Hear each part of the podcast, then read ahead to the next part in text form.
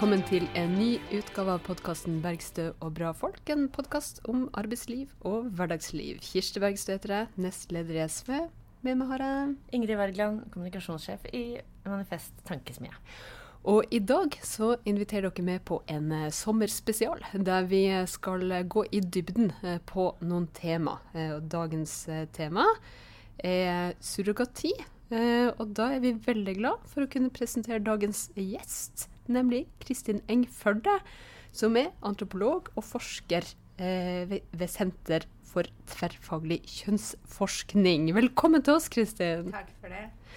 Du har forska på surrogati, eh, eller forsker på surrogati. Og da tenker jeg kanskje vi bare starter med å, å fortelle hva er det for noe? Mm. Surrogati er vel som i sin essens at eh, en kvinne unnfanger og bærer fram og føder et barn på vegne av noen andre. Og at det er avtalt før fødselen. Kanskje også før unnfangelse. Eller som oftest er det det. Så det skiller seg fra adopsjon ved at det hele tida er planen at den som bærer fram barnet, ikke skal være sosial forelder. Så har du jo ulike varianter av surrogati. Du har det som eh, gjerne kalles for tradisjonell surrogati, som eh, var det man praktiserte, og har praktisert i mange samfunn, før man hadde tilgang på bioteknologi på assistert befruktning. Hvor man rett og slett bare da ble gravid med sine egne egg, eh, og sperm som ble sendt inn i kroppen på et eller annet vis.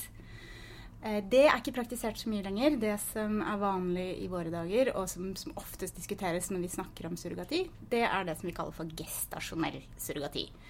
Som betyr at den som bærer barnet, surrogaten, ikke bruker sine egne egg. Men at eh, man tar egg fra enten da en eh, blivende mor, altså en sosial mor, eller fra en eggdonor. Og så skjer unnfangelsen ved hjelp av IVF utafor kroppen til altså, surrogaten. IVF er da Prøverør kaller vi ofte det, da. Ja. Men det er assistert befruktning. Eh, og så setter man da egget inn. Eh, og den vesentlige forskjellen der blir jo at det ikke finnes noen genetisk eh, um, connection da, mellom surrogaten og barnet. Og så skiller man gjerne mellom eh, kommersiell surrogati, som innebærer at det utveksles penger. Eh, ikke bare mellom surrogaten og de som skal ha barnet, men også eh, gjerne i en tredjepart som tjener penger. Så type en klinikk? Eh, klinikker ja. og eh, byråer og sånt som, som, matcher partene. Eh, og det man ofte kaller for ikke-kommersiell, eller kanskje enda oftere altruistisk, hvor det ikke skal utveksles penger. Og som ikke skal være på en måte del av et marked. da. Så man tenker at liksom, man beholder reproduksjonen i uh, sfæren der den skal være, utenfor markedssfæren. Uh, jeg tenker at det kanskje er uh, Det å kalle det for altruistisk forutsetter jo noen motiver som man jo ikke kan ta for gitt. Mm. At man gjør dette for å hjelpe. Man kan jo ha andre motiver selv om det ikke er penger involvert. Så kanskje bedre å snakke om det som ikke kommersiell. Hvilke motiver kan det være, da? Som ikke er en godhet. Tja, eh, kanskje man eh, har glede av det selv. Det fins det forskere som mener at de har eh, funnet surrogater som rett og slett eh, liker skikkelig godt å være gravide. Mm. Eh, jeg tror ikke det er så vanlig. jeg tror ikke det er veldig utbredt. Men jeg tenker at det, eh, den altruismen låser det veldig fast. også hvis du skal tenke på det i en sånn type makt, mer problematiserende perspektiv, så kan det jo også være Det kan være press og tvang involvert, selv om det ikke er penger involvert. Mm. Og at den altruismen eh, kanskje gjør det litt mer uskyldig enn det behøver å være, når man snakker om det på den måten. Men eh, selv om ikke vi skal ta for gitt at lytterne våre kan mye om surrogati, så vet sikkert de fleste at ikke det er lov i Norge. men det diskuteres jo litt sånn innimellom både fordi det dukker opp saker med at nordmenn benytter seg av eh, surrogater, det er det de kaller det, ikke sant? Mm. Eh, og at det diskuteres hvorvidt man skal gjøre det lovlig i Norge. Men eh, kan vi ikke starte med, med, utlandet? For du har jo faktisk møtt kvinner som er surrogater, og som jobber med det. Mm. Kan du fortelle litt om, om din, din, studie i India? Jeg var i eh, Mumbai i 2012 2013 eh, for å gjøre feltarbeid. Jeg er jo da som sagt eh, eh, antropolog.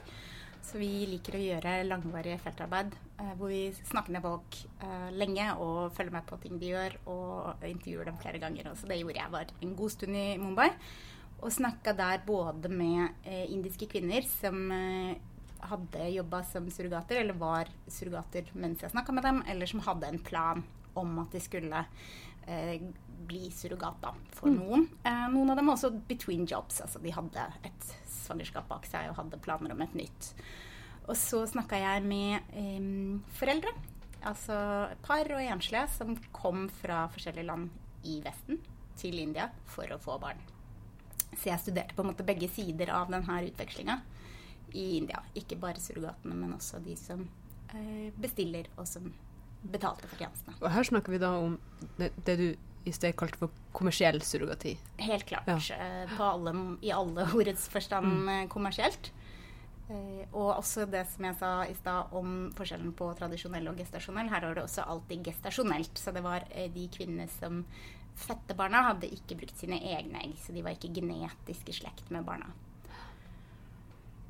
Så, men, men, det var Ja, det var rett og slett de, en måte å tjene penger på, da. Det var, en, det var, derfor de gjorde det? Eh, det var motivet for de aller fleste av disse kvinnene. De var jo Mange av dem, eller alle sammen, var ganske fattige. Mange var veldig fattige. Og hadde ikke mye utdannelse. Ikke mange muligheter på jobbmarkedet. Eh, men hadde, mange av dem hadde av forskjellige grunner fått uh, større deler av forsørgelsesbyrden. Det er vanlig for kvinner i, det, i den delen av befolkninga i India å bli forsørga. Så det er ikke forventa at du skal ha en jobb, men plutselig så skjer det ting. At uh, du blir forlatt, eller at mannen din dør, eller at mannen din blir syk. Eller uh, andre problemer. Alkoholisme. Ting skjedde. Mm. så den gjorde at de fikk et behov for å tjene mer penger enn det som var mulig å få tak i eh, gjennom de jobbene de vanligvis hadde, som typisk var å være hushjelp et sted eller jobbe på en fabrikk eller Så eh, historien som på en måte de fleste fortalte vanlig historien, var at man hadde havna i en situasjon hvor man trengte masse penger. Eh, eventuelt man hadde slitt med liksom sånn eh, hånd-til-munn-fattigdom over tid. Man hadde gjeld. Andre situasjoner kunne være at noen i i familien ble syk, og man trengte mm. penger til det. Eh, og så hadde man på et eller annet vis da fått vite om denne muligheten for å eh, være surrogat. Ofte så eh, fikk man vite det av venninner eller en svigerinne, eller noen ganger også agenter fra klinikkene som oppsøkte slumområdene for å se etter kvinner som kunne være aktuelle. Eh, og det de ofte fortalte, som jeg syntes var interessant for så vidt, var at de eh, bestemte seg selv de fikk vite om det selv. De eh, tok en slags beslutning før de i det hele tatt brakte spørsmålet inn til folk som de anså at bestemte over dem, og som de trengte tillatelse fra for å gjøre dette. F.eks. en ektemann eller svigerforeldre.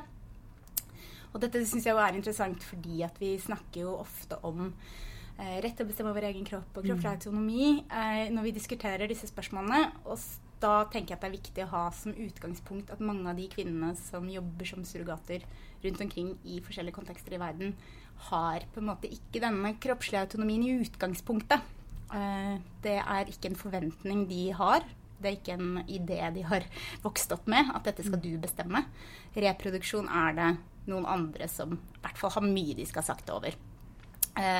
Det jeg skulle fortelle, var at uh, de eh, ofte måtte bruke masse energi på å overtale mennene sine. Så det var ikke et spørsmål om Jeg så veldig få eh, Ingen saker hvor man på en måte ble sånn pimpa ut. Det er jo også en stereotypi som man ser for seg at det er sånn menn som, som eh, leier ut kvinner. Mm. Eh, det, var, det, var, det, så jeg ikke. I nære relasjoner så kan man stille seg spørsmålet hva klinikkene, klinikkenes rolle i dette, og hva det har med hvor mye penger de tjente på kvinnene. Men uh, ikke i nære relasjoner. Der var det veldig ofte noe kvinnene gjerne ville mer enn de fikk lov, da. Uh, og det var alltid i det i den fasen uh, et spørsmål om penger, om man motiverte penger, om man tenkte på det som I hvert fall prøvde å tenke på det som en jobb. Uh, og det syns jeg også er viktig å få fram at uh, når man snakker om liksom etikk og moral knytta til dette spørsmålet, så, så, er jo det ofte liksom etikken på klinikkene og etikken til de som reiser av gårde og skal ha barn. Men det jeg fant, var at det her var liksom vanskelige moralske spørsmål også for surrogatene.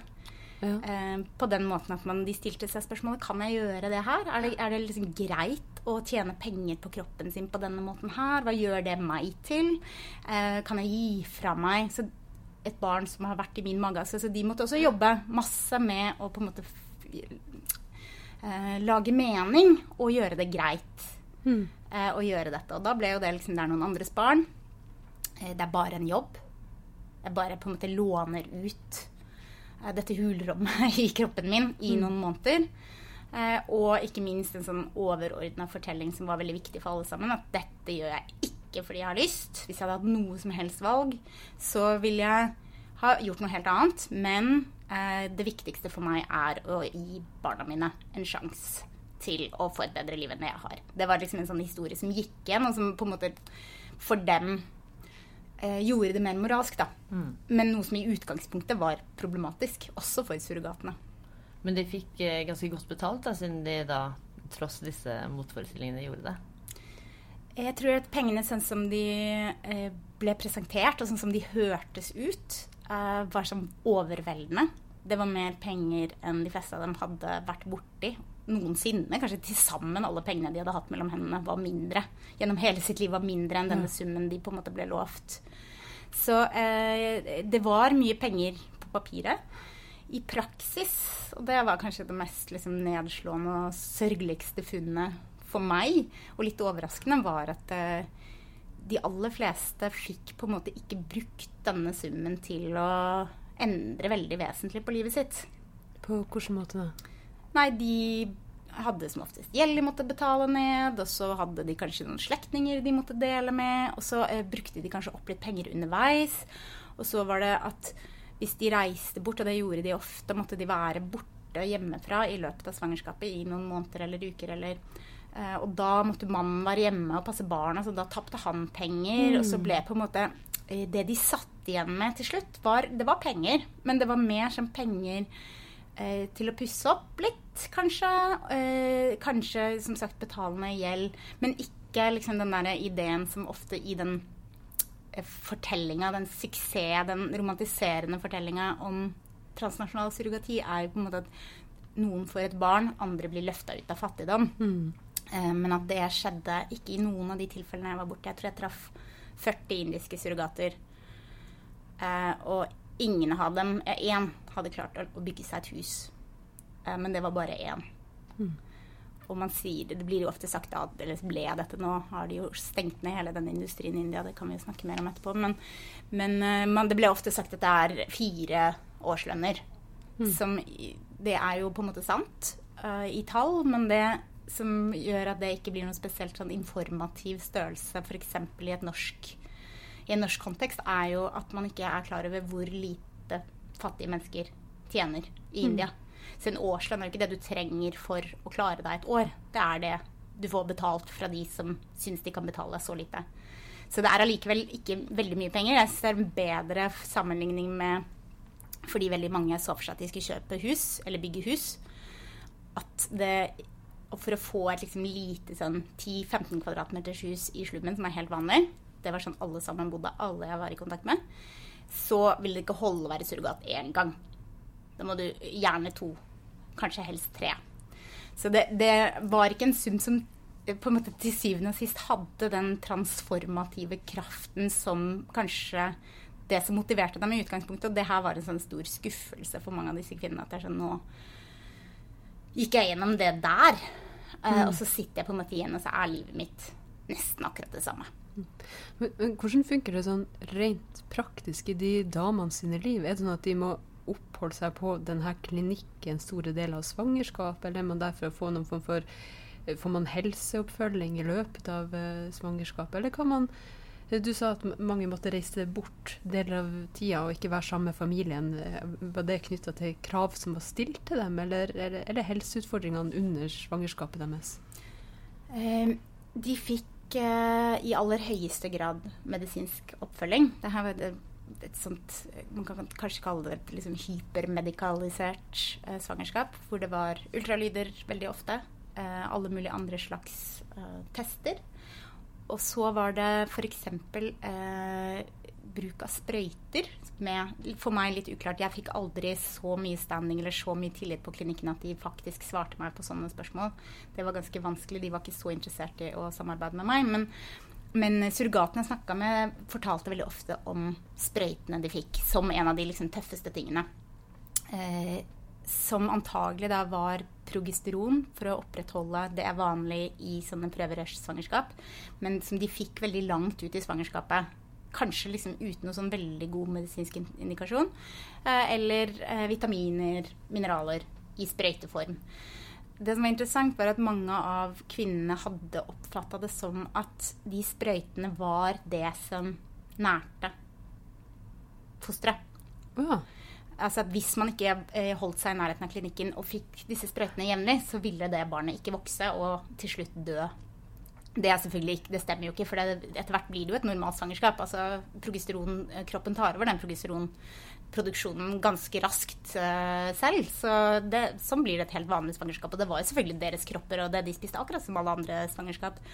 Men at den ideen om at dette var et helt annen type svangerskap, uh, med et mye mer sårbart mm. foster, som ikke på en måte egentlig var trygg og passa på tilstrekkelig grad av surrogaten, men trengte liksom nærheten til klinikken og legene. Eh, motiverte mange kvinner til å holde seg veldig tett i nærheten av klinikken. At de følte at det var en risiko knytta til å være hjemme. Andre ble kommandert til klinikken.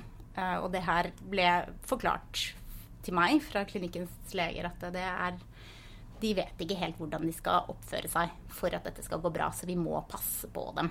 Uh, vi må følge dem opp tett.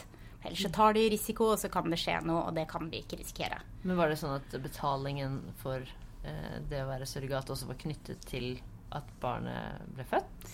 Uh, ja, de fikk betalt Dette her var jo India, det må jeg få understreke. At dette her var India i den perioden. Ja. Jeg kan ikke egentlig snakke for hvordan dette praktiseres alle andre steder. Men i India for åtte år siden, åtte-sju år siden, så var det sånn at man fikk betalt per trimester. Så fikk betalt for innsetting.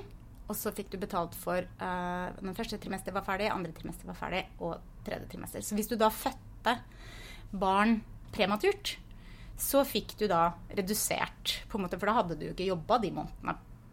Uh, hmm. Så det var mange sånne jeg, jeg, jeg, hørte ikke om noen som ikke fikk penger, men jeg hørte mange historier som var sånn at de, de følte seg urettferdig behandla fordi de hadde jo på en måte gjort alt de kunne. Mm. Og så skjer det en prematurfødsel f.eks., og så får surrogaten skylda for det. Som jo også er lett å se utenfra at er veldig urettferdig. Men det var sånn betalingen fungerte.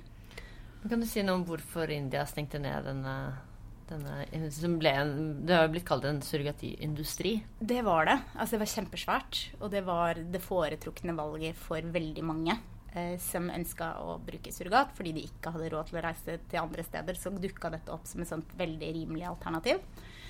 Eh, som vokste opp kjempefort og veldig raskt og helt eh, uregulert av lov. Og ingen registrering av forekomst. Så det var litt eh, det, var, det, var, litt eh, kaotisk. Um, så ble det stengt ned. Jeg tror på mange måter så var det en respons på at det kom litt ut av kontroll. Eh, og jeg tror den fremste motivasjonen faktisk var eh, de såkalte visum-limbo-sakene. Hvor eh, foreldrene som kom fra utlandet, ikke fikk statsborgerskap, ikke fikk innreise til sitt opprinnelige land, og India satt igjen med barn og foreldre som var desperate etter å komme seg ut, som India ikke ville ha der, og som ikke fikk komme hjem til sine egne land. Det var en veldig berømt og omtalt sak i Norge, det var vel i 2010, tror jeg med en, en tvillingmor som satt støkk i 15 måneder i Mumbai. Um, så det tror jeg var motiverende. De ville ikke ha de sakene. De ville ikke um, Eller de ville bremse til de hadde fått mer kontroll. Og så kom jo på en måte Maudi inn fra sidelinja og endra litt på diskursen rundt uh, Han er jo helt klart uh, glad i neoliberal økonomisk politikk, så det er jo ikke Maudi, uh, den sittende statsministeren. Ja. Han ble valgt i 2014. Ja. Eh, og det her det må jo også tas med i eh, historien at hele surrogatindustrien var på en måte en del av en større eh, neoliberal satsing uh, som de kaller for medical tourism, hvor man ville åpne de medisinske markedene sine for turister. Så vi mm. kom med folk fra hele verden og få blir ofte Slagordet var 'First World Treatment, Third World Prices'. Så det var på en måte India. Så det kommer jo folk til India, for, og det gjør de fremdeles, for alt mulig annet også. Men at surrogati ble regna som og alle mulige sånne assistert befruktningstjenester ble regna som del av det her. Eh, så det ville nok kanskje Modi Jeg tipper han er helt for alt mulig annet knytta til dette, men han har jo også en veldig sånn eh, konservativ eh, agenda knytta til familiepolitikk og seksualitet, og at det ble på en måte for utfordrende rent ideologisk eh, mm. en sånn, med en sånn agenda. Uh, for han var jo på en måte den som kom inn fra sidelinja og bare stengte ned alt. Og da hadde jo eh, indiske feminister jobba med å få dette lovregulert i årevis uten at noe som helst skjedde. Uh, for å få eh, sikra rettighetene til surrogatene. Fordi de er i så sårbar situasjon? For, og fordi det var helt uregulert. Ja. ja. Det, det, var jo, og når det er uregulert, så blir det sånn at de, det, det blir ikke sånn at de mest sårbare blir tatt hensyn til mest. Så det det var en veldig vanskelig prosess når det var det som var argumentet. Og så var det visst mye lettere eh, for Modi å ta en annen type beslutning, eh, som var å stenge helt ned for utlendinger. Og nå har de stengt ned eh, kommersiell surrogati i det hele tatt. På den måten at ikke det ikke er lov?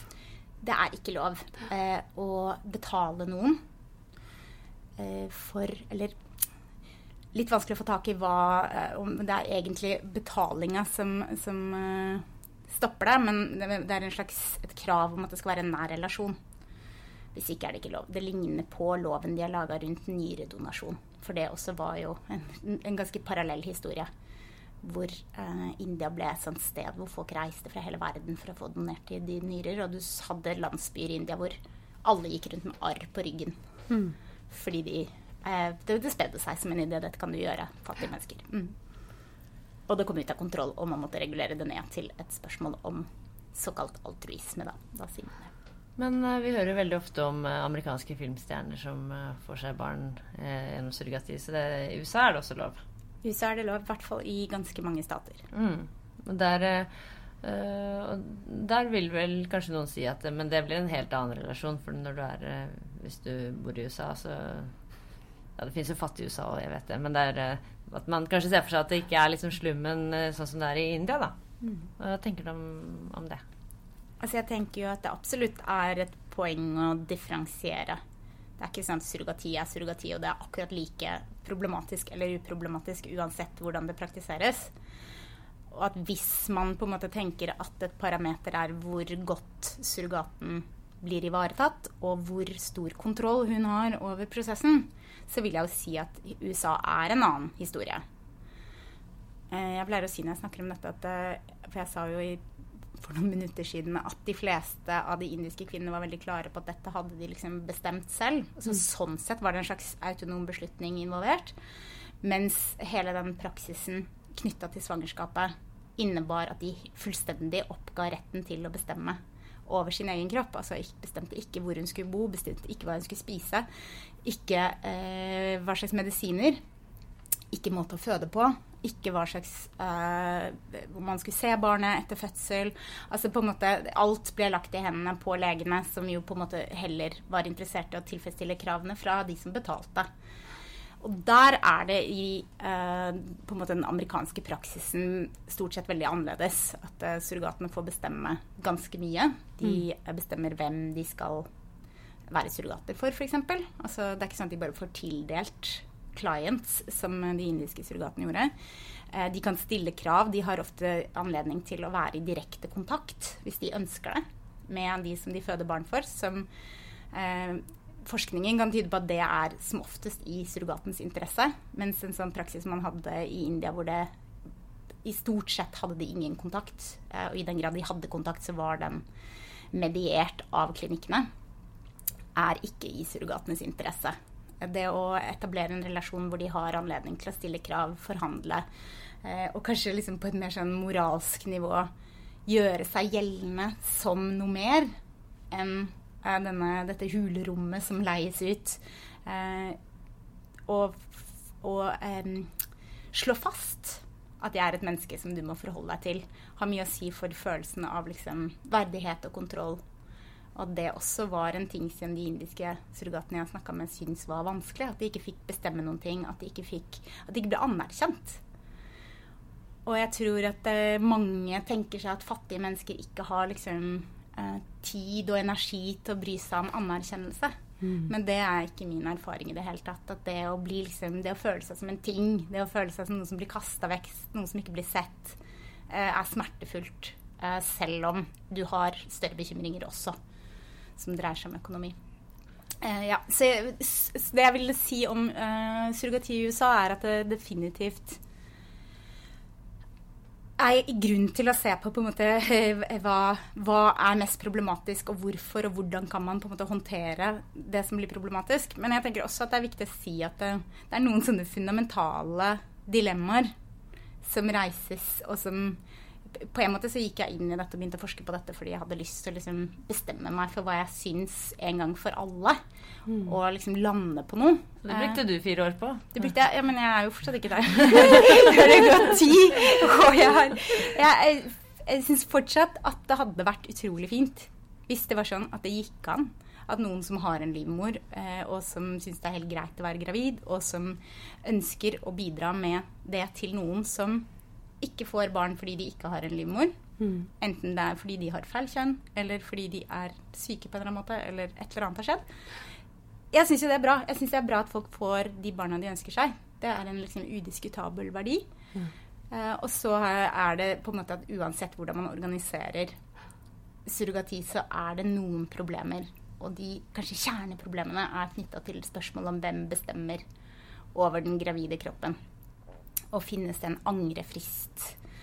Og en del sånne ting som uh, Jeg tenker at hvis man skal forfølge en ganske sånn altså, ideer, feministiske ideer om kroppslig mm. autonomi som har ganske stor oppslutning i Det er ikke en ekstrem feministisk posisjon.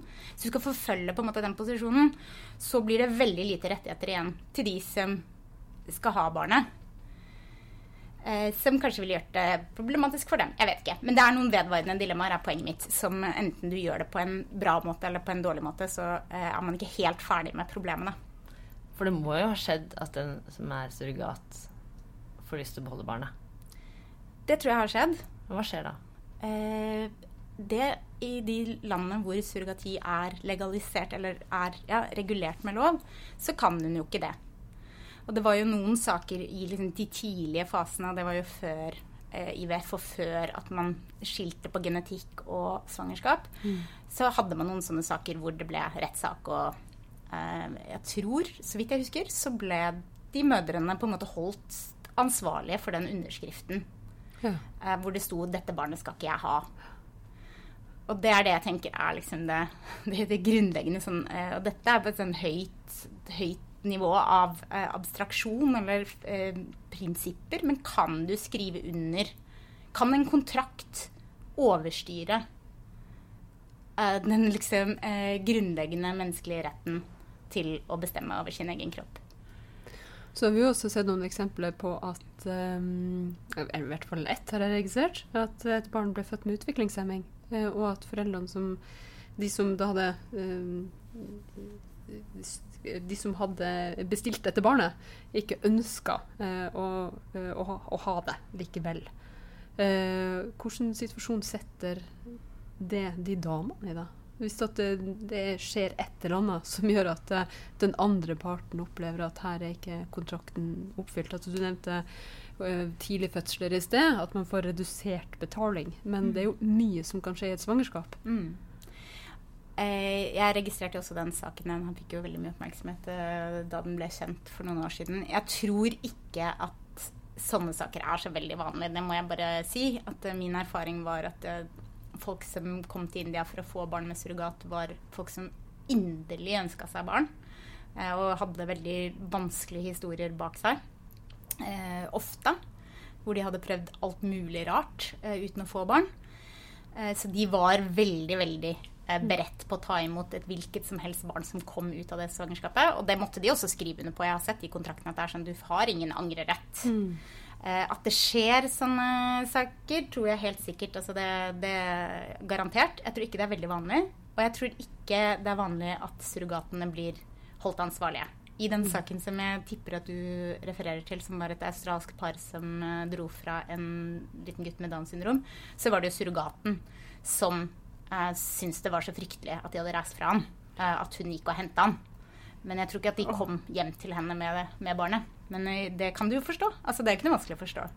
At du har eh, vært gravid med noen. Jeg hadde, en av mine informanter fortalte oss om det at hun fødte for tidlig, så hennes eh, klienter rakk ikke å komme til fødselen. Så hun lå på et sånt rom på sykehuset, og så hørte hun Det var jo på barselavdelinga. Hun hørte eh, babyene som gråt ved siden av. Og tenkte på om det var hennes barn. Og hun fikk jo ikke lov til å være sammen med deg Det var veldig viktig at hun skulle holde seg unna, fordi de skulle ikke bonde. Det var praksisen.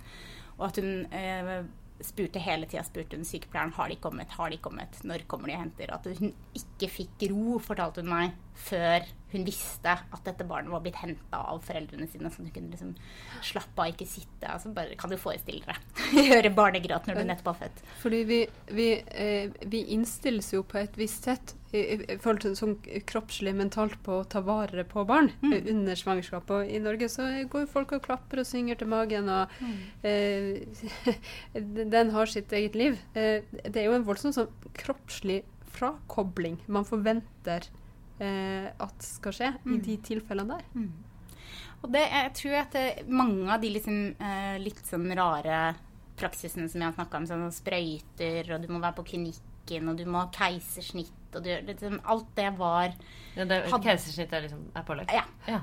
Nesten alle føder med keisersnitt. Mm. Og da i narkose, sånn at du på en måte våkner opp, og da er det barnet borte. Så det er liksom viktig at du ikke skal se barnet før de som er foreldrene, viser det til deg. Så det er på en måte Ja, for det er sånn en slags ritualet. eh, ritual? Ja. Mhm. Eh, det er veldig vanlig. Mm. Så de gode klientene var de som viste barna, så var det noen dårlige klienter som ikke viste barna fordi de var redde for at det skulle oppstå en eller annen form for bånd.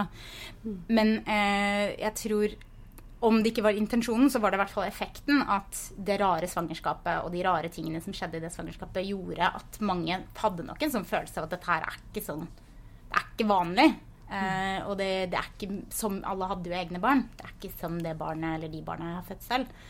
Men altså, det var på en måte en veldig sånn stor Hva skal jeg si En sånn rest av følelsesmessig involvering og eh, tilknytning som på en måte ikke ble bearbeida bort av de praksisene og den måten å tenke på. Dette er en medical baby, var det ofte ble sagt. Så de aller fleste satt jo igjen og var Hadde noen ubearbeida og vanskelige følelser knytta til det å ha mm. født et barn som bare ble borte.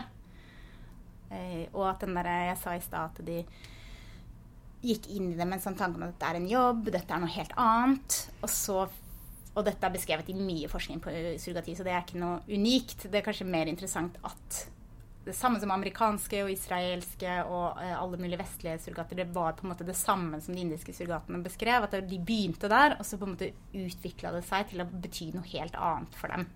Og det ble mer og mer et spørsmål om eh, verdier som ikke hører til i markedet. Altså, antropologer snakker om gave- og vareøkonomien. Det liksom bevega seg fra vareøkonomien over i gaveøkonomien for veldig mange. Og det var også knytta til den typen liksom, kroppslige aspekter ved svangerskapet som du snakka om. Liksom, Oi, de, den, denne babyen sparker også. Eh, og denne babyen oppfører seg akkurat som mine babyer, gitt. Og jeg føler meg på samme måte. Uh, at det var likt. Eh, og kanskje til og med liksom hele den derre følelsen av samhørighet da, som ikke oppsto før den begynte å respondere. Begynte å bidra til denne relasjonen, så ble det helt umulig å forsvare seg. Eh, og tenke at dette er bare dette er en jobb, men fordi det er et menneske. Og det tenker jeg sier jo noe om også hvordan vi kategoriserer som mennesker. At vi har en slags motstand mot å trekke alt det som har med reproduksjon over i det kalde markedet hvor ting bare handler om utveksling av penger. Mm. Men du, eh, Vi skal snart runde av, men det er en ting jeg må spørre om. For du har så vidt nevnt foreldre. Eh, altså de som da ønsker seg barn, og som eh, da eh, benytter seg av surrogater. For du snakket jo en del eh, med foreldre eh, også. Mm. Eh, og jeg har hørt deg snakke om dette før, så det er derfor du er invitert hit. Eh, og da, da sa du noe om hvordan eh, dette da gjerne er foreldre som har hatt eh, intenst lyst på barn, gjort alt de kunne for å få det. Men at eh, du sa noe sånt som at deres, mens deres desperasjon eh, nærmest opphørte i det øyeblikk de kom til klinikken i India, så, så vedvarte desperasjonen Mm, til mm. eh, de, de fattige indiske kvinnene. Mm. Fordi nettopp, som du var inne på i sted, at de, Mm. de fikk ikke løst alle livets uh, utfordringer og uh, gjort den Mm. klassereisen de kanskje håpet på. Eller. Ja, det var en av surrogatene som sa til meg at vi uh, Hun sa 'We come together in desperation'. Mm. Og da snakka hun om seg selv og da disse fedrene til det barnet hun hadde født. Eh, og så det var på en måte jeg som forfulgte det til, fordi den desperasjonen det er på en måte en sånn felles, uh, felles vei inn. Men det er akkurat som du sier at det, det ene problemet blir løst, mens det andre problemet blir ikke det.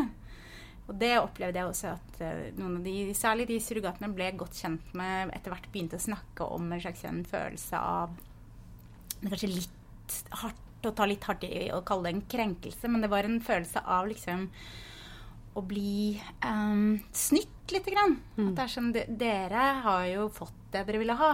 Og dere, deres liv blir aldri det samme igjen. Og dere eh, har dette takket være meg. Eh, men jeg er blitt glemt og skjøvet bort. Og jeg, ingenting har forandra seg for meg. Jeg betyr ikke noe lenger for dere. At det, det går ikke. Fordi det jeg ga dere, det er jo det er priceless. Det kan ikke på en måte um, nulles ut med en sum penger. At eh, det riktige ville vært på en måte å belønne det med en relasjon som vedvarer. Nå skal det sies at det var ikke, det var ikke helt utelukka for noen av de foreldrene jeg snakka med. Og jeg vet også at noen av dem har praktisert en sånn type vi tar vare på deg-aktig relasjon med surrogatene. Eh, Det oppleves nok som ganske krevende. Eh, Det er ikke noe felles språk, og det er veldig forskjellige forståelser av eh, hva det betyr å utveksle penger på den måten, og hva man kan spørre om. Det er ganske mye som, eh, som kan forstyrre Den ene parten ønsker at dette ikke skal handle om penger, mens den andre parten trenger jo penger. Mm. Så eh, da blir jo liksom Hvis du skal ta vare på meg, så betyr jo det at jeg ikke skal liksom gå til grunne eller havne i rennesteinen. Da må du gi meg penger, da. Og at det kan bli ganske vanskelig. Det er jo ikke så rart. Men, eh, men eh, spørsmålet om eh, Eller den, den litt den grunnleggende urettferdigheten kanskje i at det blir så bra for den ene parten og ikke for den andre, var jo noe av det som liksom jeg satt igjen med som en sånn Dette, dette går det ikke an å kalle for vinn-vinn. Så det var gjennomgående. Men det er jo noen som ønsker eh, å tillate og regulere eh, surrogati også i Norge.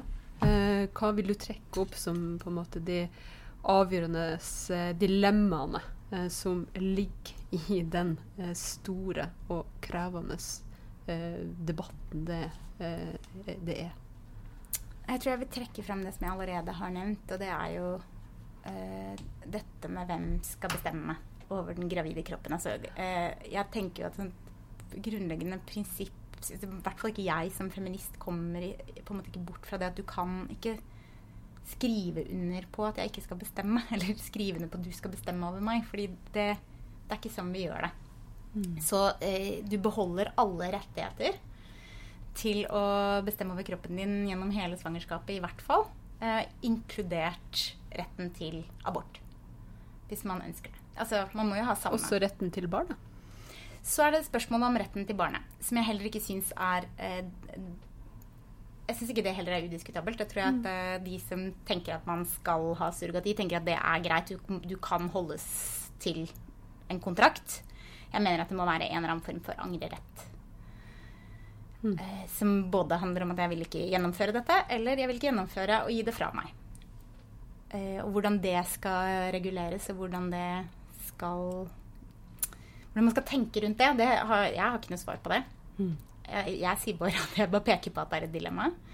Eh, Jeg tror at de som ser for seg at dette kan vi gjøre, mener nok at du skal ikke ha noe angrerett. Og det er hele forutsetninga. Altså, det er ikke surrogati lenger hvis du har angrerett, fordi surrogati innebærer at vi gjør denne avtalen før barnet en gang er unnfanga. Så derfor er det ikke, det ikke mening å si at du bestemmer til du er ferdig med å være gravid. Og til du egentlig har skjønt hva det er du, det er du har gått inn på. Eh, så jeg vet ikke Syns egentlig det hadde vært veldig interessant. Foreløpig er det jo ikke noe særlig glidning i dette. Det fins det er vel Venstre og litt sånn eh, satellitter her og der som tenker at man kan starte en prosess med å legalisere sted som de stadig kaller for altruistisk surrogati. Jeg ser fram til å diskutere de prinsipielle spørsmålene det reiser i, en, eh, i en, et land hvor vi på en måte tar kvinners selvbestemmelse for gitt. Jeg tenker at det er en annen kontekst, og det må gjenspeiles i hvordan det praktiseres eventuelt i Norge. Da. Takk for eh, at du bidro til å eh, trekke opp noen lange og viktige linjer i de her krevende spørsmålene, Kristin. Nå sitter kanskje mange av våre fastlyttere og lurer på hva som var din første jobb. Det får de ikke vite nå, fordi vi skal nemlig ha en del to. Eh, Så du får være med i neste episode. Eh, Så får du lytte mer til Kristin Engførde sin kloke røst og også få svare på hva var hennes første jobb. Takk for at du var med, kjære lytter. Takk til deg for denne episoden, Kristin. Så høres vi igjen i neste. Snakkes!